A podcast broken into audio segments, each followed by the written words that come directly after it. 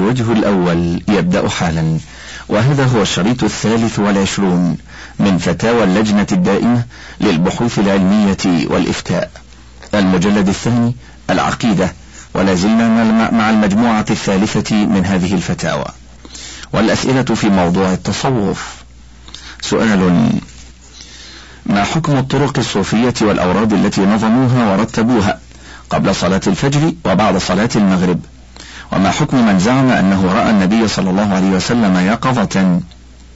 وسلم عليه بقوله السلام عليك يا عين العيون وروح الأرواح. جواب الحمد لله وحده والصلاة والسلام على رسوله وآله وصحبه وبعد. الطرق والأوراد التي ذكرتها طرق وأوراد محدثة مبتدعة. ومن جملتها الطريقة التيجانية والكتانية. ولا يشرع من أورادهم إلا ما وافق الكتاب والسنة الصحيحة. وأما ما ذكر في السؤال أن بعض الناس دخل على الكتاني فرأى النبي صلى الله عليه وسلم بجواره يقظة وقال السلام عليك يا عين العيون إلى آخره فهذا باطل لا أصل له. والنبي صلى الله عليه وسلم لا يرى بعد موته يقظة ولا يخرج من قبره إلا يوم القيامة. كما قال الله سبحانه ثم إنكم بعد ذلك لميتون ثم إنكم يوم القيامة تبعثون. وقال النبي صلى الله عليه وسلم أنا أول من تنشق عنه الأرض يوم القيامة. وبالله التوفيق وصلى الله على نبينا محمد وآله وصحبه وسلم. سؤال ما حكم الإسلام في الطرق الصوفية اليوم؟ جواب الحمد لله وحده والصلاة والسلام على رسوله وآله وصحبه وبعد. يغلب على الطرق الصوفية البدع وننصحك باتباع هدي النبي صلى الله عليه وسلم وأصحابه في العبادات وغيرها. واقرأ كتاب هذه هي الصوفية لعبد الرحمن الوكيل رحمه الله. وبالله التوفيق وصلى الله على نبينا محمد وآله وصحبه وسلم. سؤال ما رأي الدين في التصوف الموجود الآن؟ جواب الحمد لله وحده والصلاة والسلام على رسوله وآله وصحبه وبعد. أولا لا يقال ما رأي الدين ولكن ما حكم الإسلام في كذا ثانيا الغالب على ما يسمى بالتصوف الآن العمل بالبدع الشركية مع بدع أخرى كقول بعضهم مدد يا سيد. وندائهم الأقطاب وذكرهم الجماعي فيما لم يسم الله به نفسه مثل هو هو و آه آه آه ومن قرأ كتبهم عرف كثيرا من بدعهم الشركية وغيرها من المنكرات وبالله التوفيق وصلى الله على نبينا محمد وآله وصحبه وسلم. سؤال هل الطرق الصوفية مثل الشاذلية والرفاعية على حق أم أهل فرقة وضلال؟ وهل يجوز الانتماء إلى فرقة منهم أم لا؟ جواب الحمد لله وحده والصلاة والسلام على رسوله وآله وصحبه وبعد. الطرق الصوفية جميعها يغلب عليها البدع ومخالفة الشرع فيجب الابتعاد عن تلك الطرق. وبالله التوفيق وصلى الله على نبينا محمد وآله وصحبه وسلم. سؤال ما معنى قول المنتسبين للتصوف إن فلانا صاحب الوقت وإنه من أهل التعريف؟ وما حكم من يعتقد ذلك؟ وهل تجوز الصلاة خلفه إن عرف عنه ذلك؟ جواب الحمد لله وحده والصلاة والسلام على رسوله وآله وصحبه وبعد. معنى أن فلانا صاحب الوقت إلى آخره أن هناك من إليه شؤون الخلق من البشر ولديه قدرة على التصرف في أمورهم. يفرج شدتهم ويفكهم ويخلصهم مما أحاط بهم من البلاء ويسوق إليهم ما شاء من الخيرات في نظرهم. ومن اعتقد ذلك فهو مشرك مع الله غيره في الربوبية وتدبير شؤون الخلق. ولا تصح الصلاة وراءه ولا يجوز توليته أمر المسلمين ولا أن يجعل إماما لهم في الصلاة لكفره الصريح وشركه البين وهو أشر من شرك الجاهلية الأولى. قال الله تعالى أعوذ بالله من الشيطان الرجيم.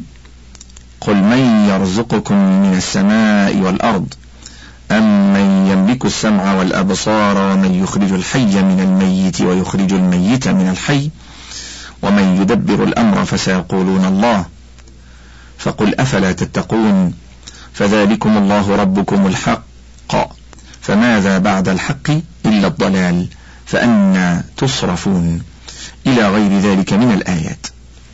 سؤال هل في إمكان إنسان أن يصل إلى درجة تمكنه من التلقي عن الله مباشرة وهو غير نبي ولا رسول؟ جواب ليس هناك من البشر من يتلقى عن الله مباشرة شيئا من الوحي إخبارا أو تشريعا سوى الأنبياء أو الرسل عليهم الصلاة والسلام. وإلا الرؤيا الصادقة يراها الرجل الصالح أو ترى له مناما لا يقظة. فإنها جزء من ستة وأربعين جزءا من الوحي. وإلا الفراسة الصادقة فإنها من الإلهام كما كان لعمر بن الخطاب رضي الله عنه. لكن الرؤيا المنامية والفراسة من غير الأنبياء والرسل عليهم الصلاة والسلام لا تعتبر أصلا في التشريع ولا يجب التصديق بها. فإن المنامات والفراسات يكثر فيها التخليط والتباس الصادق منها بالكاذب فلا يعتمد عليها إلا إذا كانت من الرسل أو الأنبياء عليهم الصلاة والسلام. ولذا لم يعول عليها النبي صلى الله عليه وسلم. حتى ما كان منها من عمر رضي الله عنه. إنما عول على ما أنزل عليه من الوحي. وبالله التوفيق وصلى الله على نبينا محمد وآله وصحبه وسلم. سؤال. هل ما يفعله الصوفية من رقص وغناء وتمايل ذات اليمين والشمال ذكر كما يسمونه حلال أم حرام؟ جواب الحمد لله وحده والصلاة والسلام على رسوله وآله وصحبه وبعد. خير الكلام كلام الله وخير الهدى هدى محمد صلى الله عليه وسلم وشر الأمور محدثاتها. وقد أكمل الله الدين لعباده قولا وعملا واعتقادا. قال تعالى اليوم أكملت لكم دينكم وأتممت عليكم نعمتي ورضيت لكم الإسلام دينا. والرسول صلى الله عليه وسلم بين هذا الدين بقوله وفعله وتقريره. وصحابته رضي الله عنهم نقلوا عنه صلى الله عليه وسلم ما صدر منه من الأقوال والأفعال والإقرار. فالدين كامل من جهة قواعده ومن جهة بيانه ونقله. والذكر نوع من العبادات والعبادات مبنية على التوقيف. ومن خصص شيئا من العبادات وحدد له وقتا معينا أو كيفية خاصة لأدائه فهو مطالب بالدليل. وما ذكر في السؤال لا نعلم له أصلا شرعيا يعتمد عليه. وقد ثبت عن رسول الله صلى الله عليه وسلم أنه قال من أحدث في أمرنا هذا ما ليس منه فهو رد. فما ذكر في السؤال من النوع المردود. سؤال. هل النبي صلى الله عليه وسلم كان يعلم القرآن قبل نزول الوحي كما يزعم الصوفية؟ جواب. القرآن هو كلام الله بحروفه ومعانيه. وأول ما نزل على رسول الله صلى الله عليه وسلم من القرآن سورة اقرأ. واستمر القرآن ينزل منجما في ثلاث وعشرين سنة. وقد بين الله جل وعلا أنه صلى الله عليه وسلم ما كان يدري عن هذا الكتاب قبل نزوله عليه. ومن ذلك قوله تعالى وكذلك أوحينا إليك روحا من أمرنا ما كنت تدري ما الكتاب ولا الإيمان الآية. وبهذا يعلم أن ما يزعمه الصوفية من أن الرسول صلى الله عليه وسلم كان يعلم القرآن قبل نزول الوحي ليس بصحيح وأنه من القول على الله بلا علم. وهكذا قول من قال منهم ومن غيرهم أنه صلى الله عليه وسلم يعلم الغيب قول باطل وكفر وضلال لأن الغيب لا يعلمه إلا الله سبحانه وتعالى. لقول الله تعالى قل لا يعلم من في السماوات والأرض الغيب إلا الله. سؤال هل صحيح أن النبي صلى الله عليه وسلم يمكن أن يرى في اليقظة كما يزعم الصوفية في أنهم يرونه يقظة؟ جواب الرسول صلى الله عليه وسلم توفي وهو حي في قبره حياة برزخية لا يعلم كيفيتها إلا الله جل وعلا. وأما دعوى أنه يرى يقظة فهذا ليس بصحيح لعدم الدليل الدال عليه ولأنه ثبت عنه صلى الله عليه وسلم أنه أول من تنشق عنه الأرض يوم القيامة. فدل ذلك على أنه لا يخرج من قبره قبل يوم القيامة ويدل على ذلك في حقه وحق غيره قول الله عز وجل إنك ميت وإنهم ميتون. وقوله عز وجل ثم إنكم بعد ذلك لميتون. ثم إنكم يوم القيامة تبعثون. فدل على أنه ليس هناك خروج من القبور قبل يوم القيامة. وبالله التوفيق وصلى الله على نبينا محمد وآله وصحبه وسلم. سؤال إن مشايخ الطرق الصوفية منتشرون في الدول ويعطون المريدين عهودا وعلى من أخذ العهد ألا يخون أبدا ويخصصون ليالي للذكر جماعة بأسماء خاصة كالله أو حي أو قيوم أو آه على هيئة حلقات أو صفوف قياما أو قائدين يتمايلون يمنة أو يسرة ومعهم جماعة يترنمون بأناشيد ومدائح لرسول الله صلى الله عليه وسلم وسائر الأنبياء والصالحين غالبا مع طبل ودفوف ومزامير. وقد يدفع بعض الحاضرين نقودا تسمى نقطة وأحيانا لا يكون فيه دفوف ولا مزامير ولا نقطة. ثم إن المنشدين يقولون مدد يا سيدنا الحسين مدد يا سيدة زينب مدد يا سيد يا بدوي. مدد يا جدي يا رسول الله مدد يا أولياء الله. وبعض الناس ينذر شاة أو مالا أو نحو ذلك للسيد البدوي أو الحسين أو السيدة زينب أو غير ذلك. وقد يذبح كبشا عند ضريح الشيخ المنذور له ويدفع المال المنذور في الصندوق الذي عند ضريح الشيخ. فهل هذه الأمور جائزة أو ممنوعة؟ أفيدونا جزاكم الله خيرا. جواب الحمد لله وحده والصلاة والسلام على رسوله وآله وصحبه وبعد. كان المسلمون رجالا ونساء يعاهدون رسول الله صلى الله عليه وسلم ويبايعونه على الإسلام عقيدة وقولا وعملا. وقد أمرهم الله تعالى بطاعته في كل ما آتاهم به من القرآن والأحاديث الثابتة عنه. وقرن طاعتهم بطاعة الرسول صلى الله عليه وسلم. أي طاعتهم للرسول صلى الله عليه وسلم مقرونة بطاعة الله. بل جعل طاعتهم إياه من طاعته جل شأنه في كثير من آيات القرآن. قال تعالى ومن يطع الله والرسول فأولئك مع الذين أنعم الله عليهم من النبيين والصديقين والشهداء والصالحين وحسن أولئك رفيقا وقال من يطع الرسول فقد أطاع الله ومن تولى فما أرسلناك عليهم حفيظا. وقال وأطيعوا الله وأطيعوا الرسول واحذروا فإن توليتم فاعلموا أنما على رسولنا البلاغ المبين.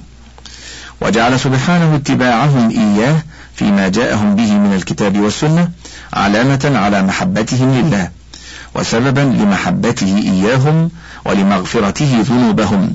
فقال جل شأنه قل إن كنتم تحبون الله فاتبعوني يحببكم الله ويغفر لكم ذنوبكم. والله غفور رحيم. قل أطيعوا الله والرسول فإن تولوا فإن الله لا يحب الكافرين. ولم يثبت عن النبي صلى الله عليه وسلم أنه بايع أحدا من أصحابه لا الخلفاء الراشدين ولا غيرهم أو عاهده على نحو ما يفعله مشايخ الطرق الصوفية من أخذ العهد على مريديهم. بأن يذكروا الله بأسماء مفردة معينة من أسماء الله. كالله وحي وقيوم ويتخذ ذلك وردا لهم يلتزمونه ويرددونه كل يوم وليلة. لا يتجاوزون تلك الأسماء إلى غيرها من أسماء الله إلا بإذن الشيخ. وإلا كان عاصيا للشيخ مسيئا للأدب معه. وخيف عليه من خدم الأسماء أن يصيبوه بسوء لمجاوزته الحدود. أضف إلى ذلك أن كل شيخ من مشايخ الطرق الصوفية يحرص جهده على أن يبذر بذور الفتنة والفرقة بين مريديه ومريد المشايخ الآخرين حتى فرقوا دينهم وصاروا شيعا وأحزابا. كل يدعو إلى بدعته ويحذر مريديه أن يوالوا مشايخ الطرق الصوفية الأخرى أو أن يأخذوا عليهم عهدا أو ينتقلوا إلى طريقة شيخ آخر إلى غير ذلك من الإلزامات التي لم ينزل الله بها من سلطان ولم يشرعها رسول الله صلى الله عليه وسلم. فصدق فيهم قوله تعالى إن الذين فرقوا دينهم وكانوا شيعا لست منهم في شيء إنما أمرهم إلى الله. ثم ينبئهم بما كانوا يفعلون. فإنه لم يعرف عنه أنه ذكر الله بالاسم المفرد صلى الله عليه وسلم. مثل حي أو قيوم أو حق أو الله ولا أمر بالذكر به أو باتخاذه وردا يردد كل يوم وليلة. ولم يعرف عنه أيضا أنه حذر من موالاة المؤمنين بعضهم بعضا. بل أمر بموالاتهم وحب بعضهم بعضا. كما مدحهم الله تعالى بذلك فقال والمؤمنون والمؤمنات بعضهم أولياء بعض يأمرون بالمعروف وينهون عن المنكر ويقيمون الصلاة ويؤتون الزكاة ويطيعون الله ورسوله. أولئك سيرحمهم الله. إن الله عزيز حكيم. وثبت عن النبي صلى الله عليه وسلم أنه قال لا يؤمن أحدكم حتى يحب لأخيه ما يحب لنفسه.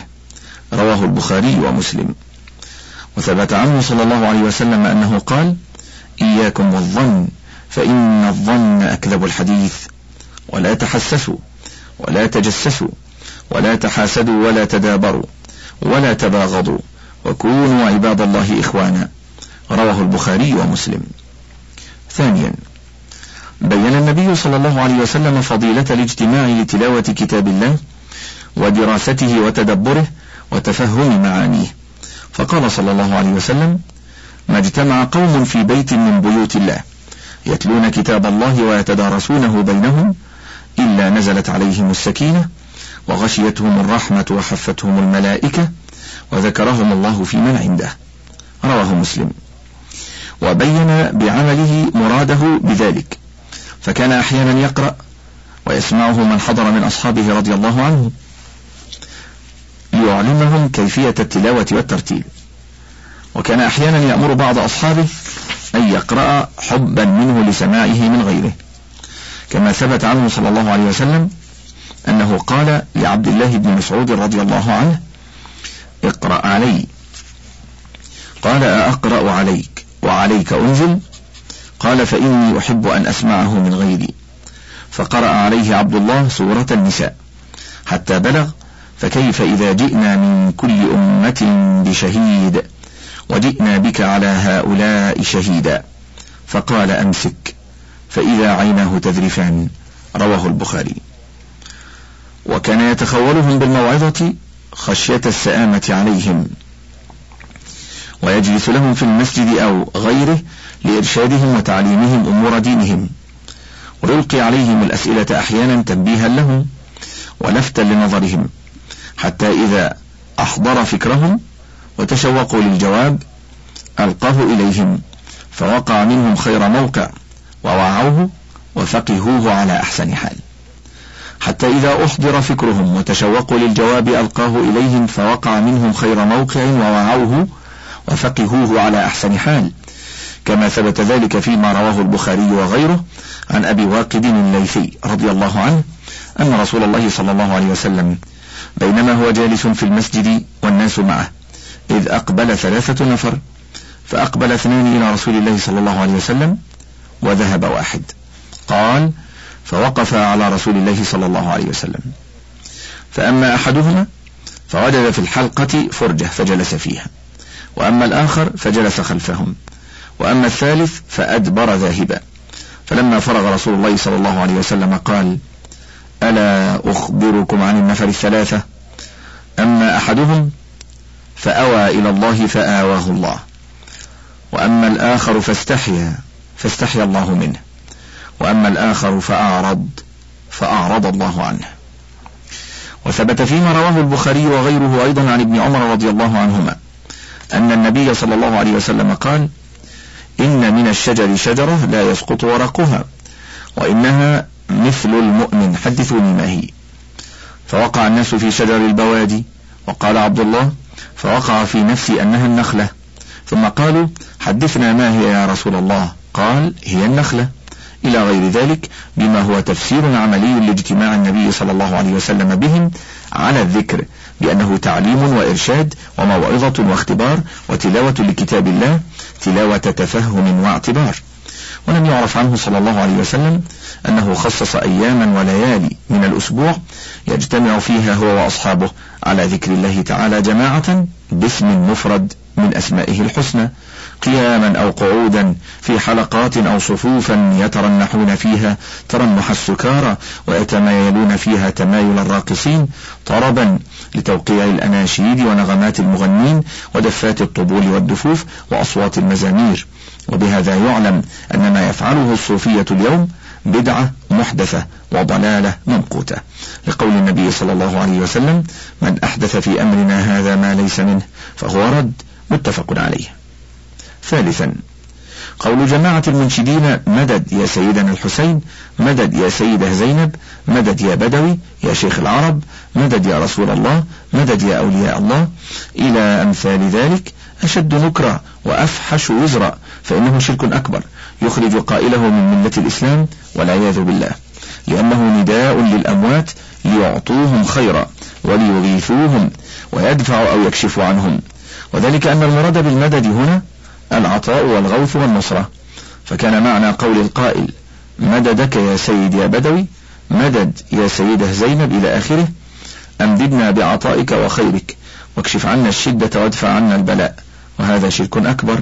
قال الله تعالى بعد أن بين لعباده تدبيره للكون وتسخيره إياه ذلكم الله ربكم له الملك والذين تدعون من دونه ما يملكون من قطمير. إن تدعوهم لا يسمعوا دعاءكم. ولو سمعوا ما استجابوا لكم. ويوم القيامة يكفرون بشرككم. ولا ينبئك مثل خبير. فسمى دعاءهم شركا. وقال سبحانه ومن أضل ممن يدعو من دون الله من لا يستجيب له إلى يوم القيامة وهم عن دعائهم غافلون. وإذا حشر الناس كانوا لهم أعداء وكانوا بعبادتهم كافرين. فأخبر سبحانه بأن المدعوين سواه من الأنبياء والصالحين غافلون عن دعاء من دعاهم ولا يستجيبون دعاءهم أبدا وأنهم سيكونون أعداء لهم ويكفرون بعبادتهم إياهم. وقال أيشركون ما لا يخلق شيئا وهم يخلقون ولا يستطيعون لهم نصرا. ولا أنفسهم ينصرون وإن تدعوهم إلى الهدى لا يتبعوكم سواء عليكم أدعوتموهم أم أنتم صامتون. إن الذين تدعون من دون الله عباد أمثالكم فادعوهم فليستجيبوا لكم إن كنتم صادقين. الآيات. وقال ومن يدع مع الله إلها آخر لا برهان له به فإنما حسابه عند ربه إنه لا يفلح الكافرون. فأخبر سبحانه بأن من دعا غير الله من الأموات ونحوهم لا فلاح له لكفره بسبب دعائه غير الله. رابعا نذر الطاعة من ذبح الأنعام وبذل المال في وجوه البر عبادة لثناء الله تعالى على من أوفى بذلك ووعده عليه الأجر والثواب. قال تعالى يوفون بالنذر.